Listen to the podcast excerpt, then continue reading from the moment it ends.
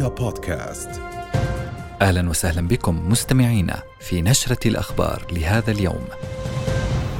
أكد جلالة الملك عبد الله الثاني لدى لقائه الرئيس الفرنسي إيمانويل ماكرون في العقبة ضرورة أن يضغط العالم بأسره لوقف فوري لإطلاق النار في غزة وكذلك حماية المدنيين وجدد الملك التأكيد على أن استمرار العدوان على غزة سيكون له تبعات كارثية على المنطقة بأكملها وشدد جلالته على ضرورة التحرك بشكل فوري لتسهيل وصول المساعدات الإنسانية بشكل كاف ومستدام إلى القطاع. كما حذر من الأعمال العدائية التي يقوم بها المستوطنون المتطرفون بحق الفلسطينيين في الضفة الغربية. من جانبه أكد الرئيس الفرنسي حرص بلاده على زيادة المساعدات للقطاع بالتنسيق مع الأردن مرحبا بالإعلان عن بدء إجراءات تسهيل عبور المساعدات الإنسانية عبر معبر كرم أبو سالم. كما عبر ماكرو عن تقديره لجهود الأردن بقيادة الملك في السعي نحو تحقيق السلام على أساس حل الدولتين وعن رغبة بلاده بمعالجة عدد من الأطفال الغزيين المصابين بالسرطان السرطان في مستشفيات بفرنسا بالتنسيق مع المملكة.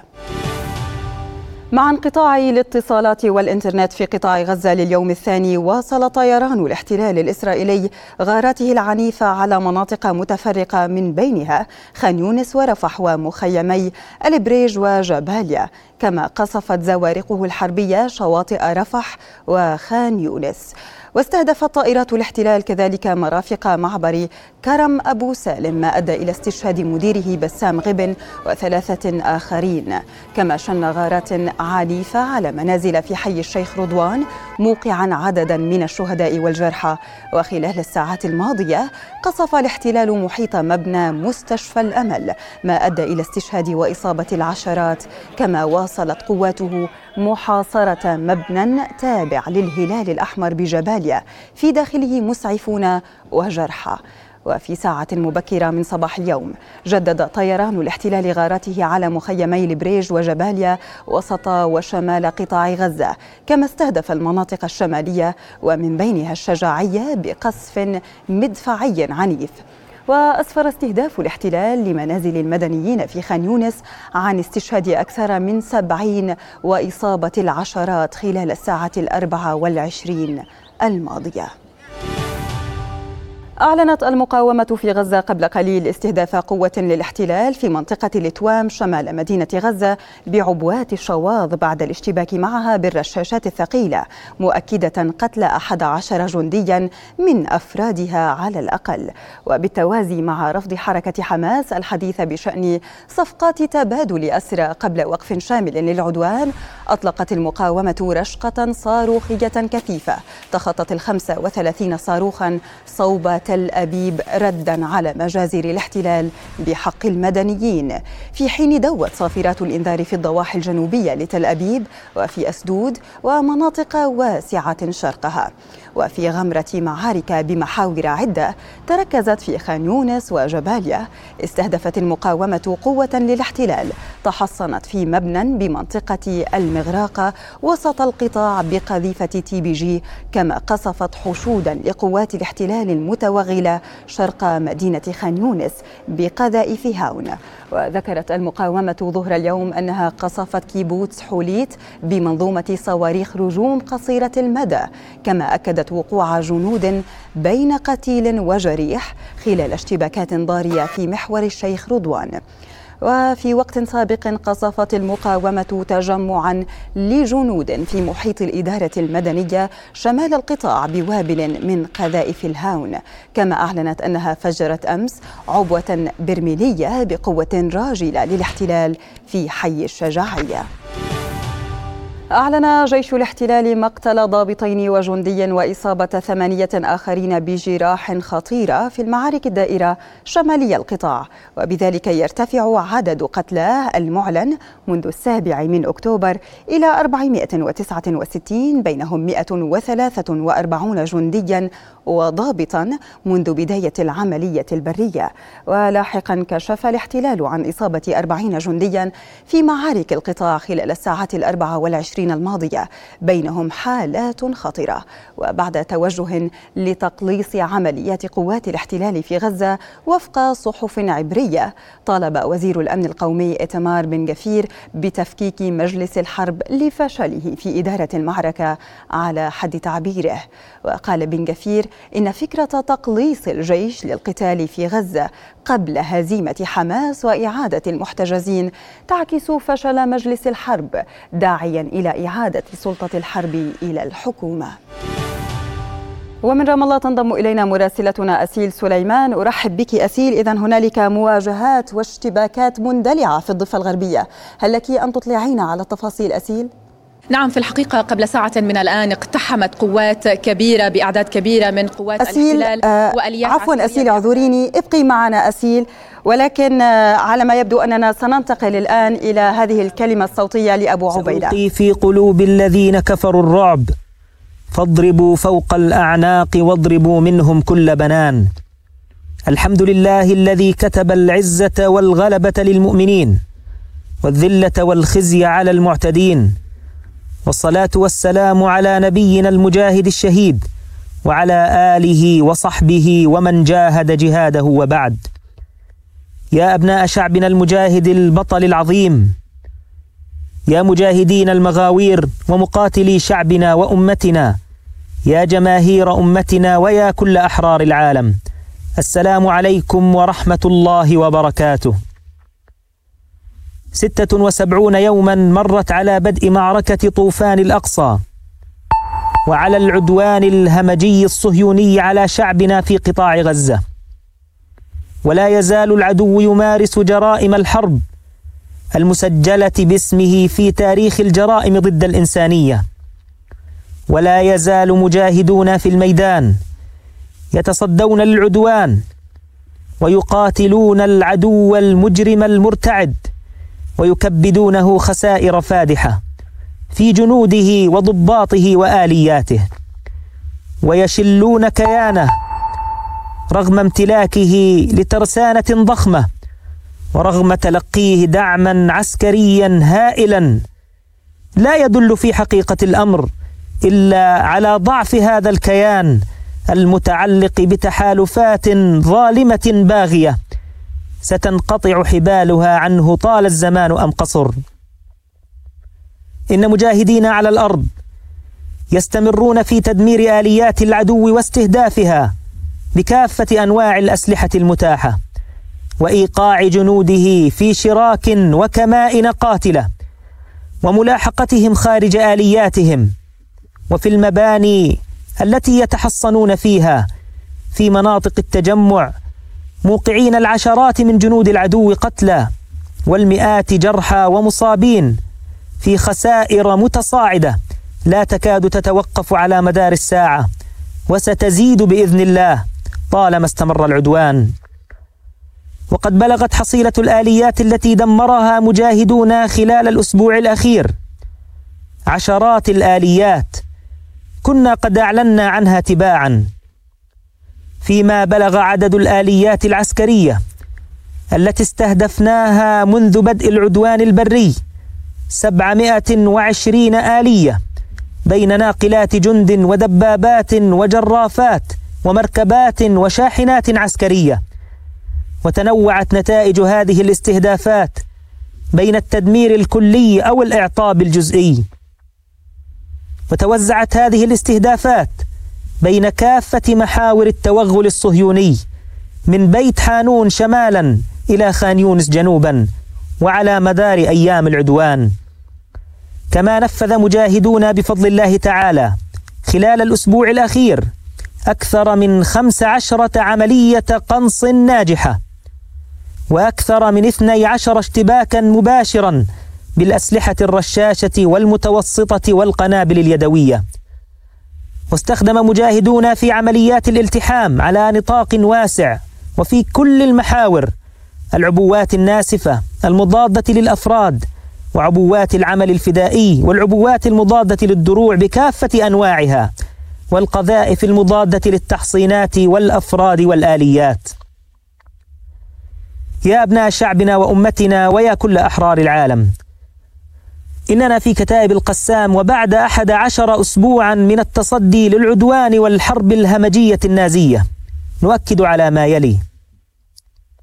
أولا إن ما ينشغل به جيش العدو اليوم على الأرض هو البحث عن صورة للنصر والإنجاز. فتارة يعلن عن اغتيال قيادات ميدانية واستهداف مجاهدين على الأرض. وتارة يحتفل باكتشاف نفق قديم خارج عن الخدمة. أو قصف راجمة صواريخ تم استعمالها وانتهت صلاحيتها. وتارة يحتفي باستيلائه على مواقع عسكرية أو مكاتب ومساكن مخلاة قصفها بأطنان المتفجرات مسبقا. وتارة يستعرض بالتدمير والقتل العشوائي كردة فعل على فشله وخسائره الكبيرة. وهذا العدو التائه المأزوم المتغطرس لم يتعلم من تجارب التاريخ ولو درسا واحدا. فقد سبق واغتال القادة وقتل المجاهدين من أبناء شعبنا بالآلاف فأنبتت دماؤهم نصرا وأورثت أرواحهم مقاومتنا قوة وعنفوانا. وقد سبق أن دمر العدو وأفسد وقتل وهجر وارتكب المجازر عبر تاريخه الأسود الدموي. فلم يترك لشعبنا خيارا سوى الانتقام منه وتدفيعه ثمن جرائمه ومجازره. والإصرار على مقاومته والعمل على كنسه ولا يزال يكرر حماقاته وأخطائه التاريخية لأنه كغيره من الغزاة المحتلين منفصل عن واقع شعبنا وجاهل بثقافته وحضارته ولا يدرك معنى إرادة الشعوب الحرة التي تسعى للانعتاق من الاحتلال. ثانيا إن هدف العدو القضاء على المقاومة هو أمر محكوم عليه بالفشل وقد باتت هذه حقيقة لا جدال فيها. أما هدف استعادة أسراه فقد أثبتت عمليات العدو الفاشلة والمرتبكة ما أعلناه منذ اليوم الأول للحرب بأن مسار هذه القضية هو التبادل. فاستمرار العدوان لا يسمح أصلا بإطلاق سراح الأسرى مطلقا. فضلا عن إمكانية تحريرهم بالعمليات العسكرية المباشرة.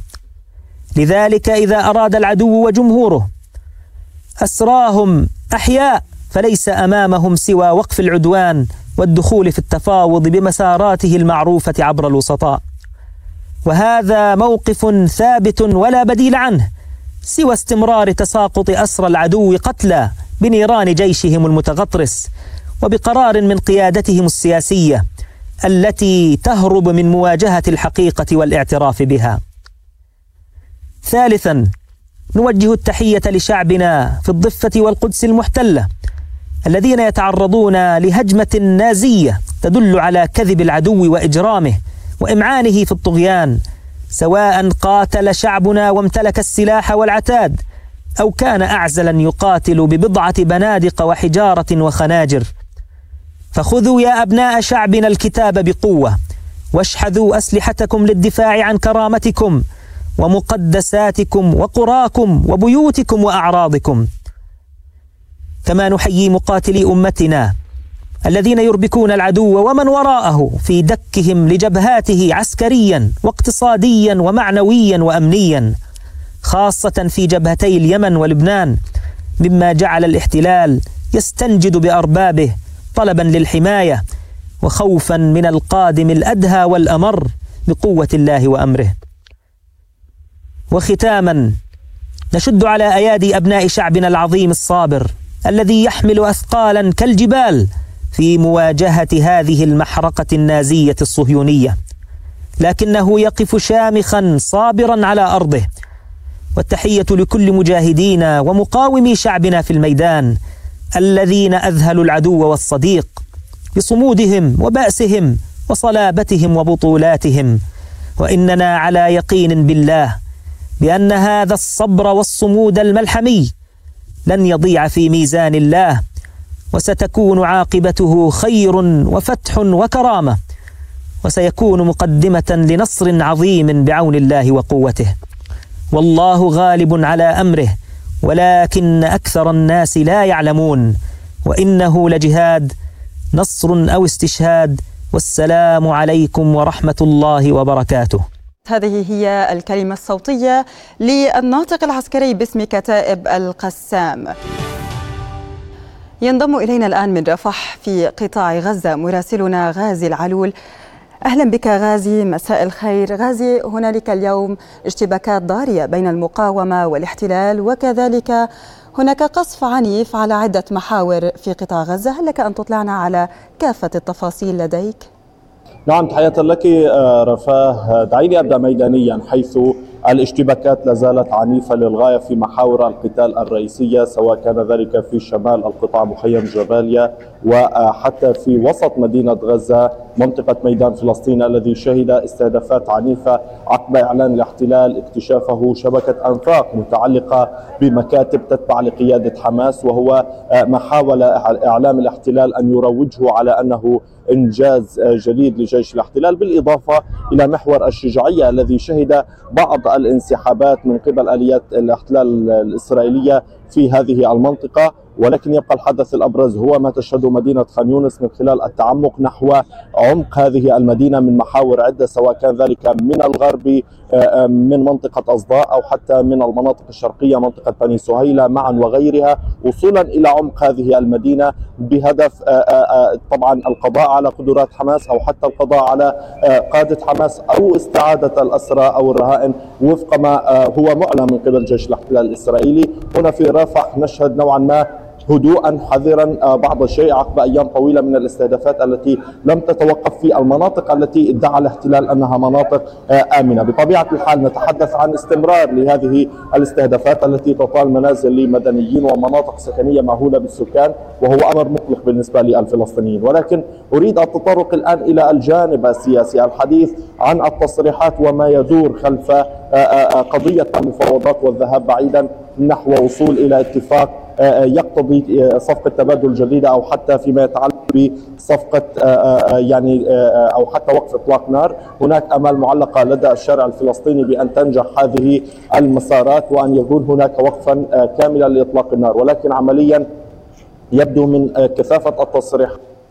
أمام نعم حماس فقط خياران إما الموت أو الاستسلام وبطبيعة الحال التصريحات التي خرج بها أبو عبيدة يقول بأن حماس مستمرة وأن استعادة الرهائن لن تكون إلا من خلال صفقه تبادل يفهم هذه أو تفهم هذه التصريحات آه، بقراءتين. القراءة الأولى المتعلقة بأن كل جانب يريد الضغط على الطرف الآخر للتنازل ولو قليلا وصولا إلى نقطة التقاء معينة لبحث صفقة أو وقف إطلاق نعم مراسلنا غازي العلول لك منا جزيل الشكر على هذه الإضاءات والمعلومات. شكرا لك غازي.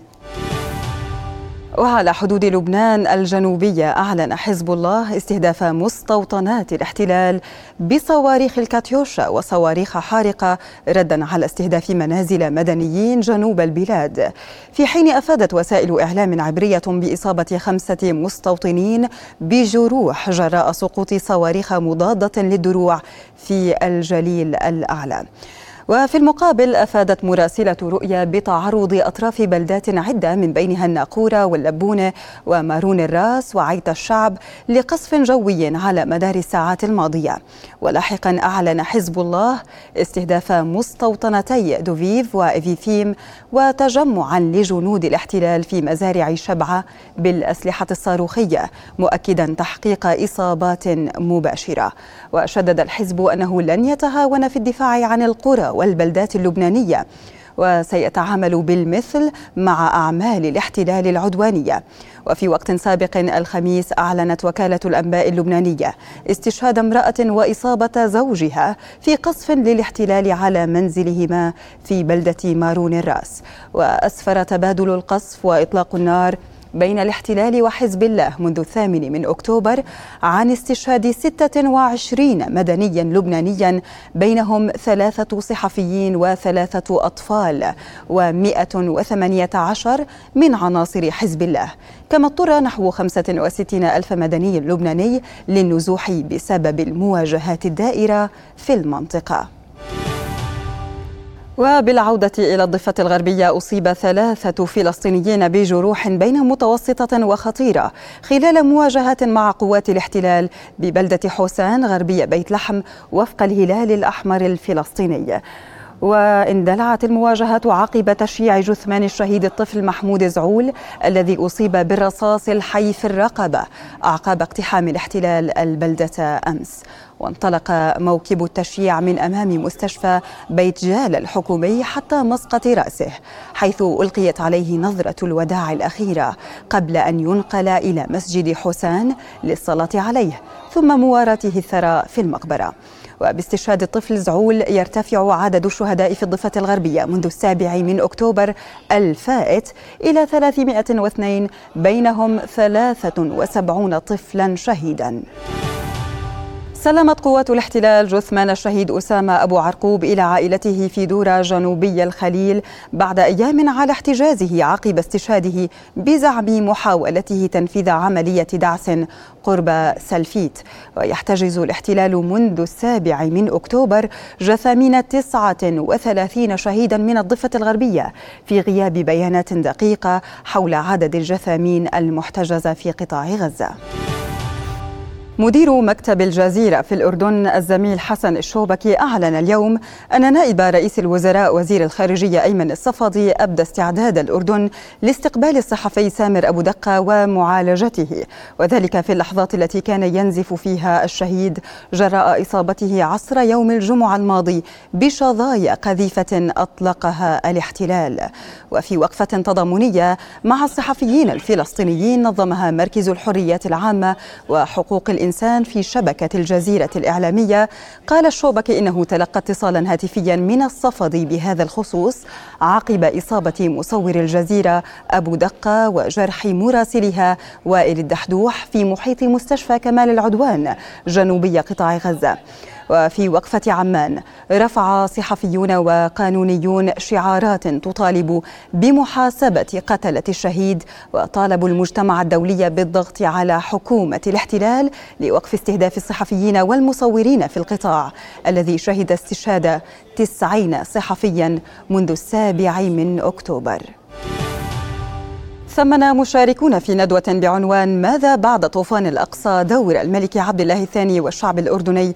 ودعمه المستمر واللامحدود للقضية الفلسطينية. ودعا المشاركون في الندوة التي نظمها الملتقى الوطني لدعم المقاومة وحماية الوطن. دعوا إلى حشد الرأي العام الغربي لوقف عدوان الاحتلال الإسرائيلي على غزة وإدخال المساعدات الإنسانية إلى القطاع.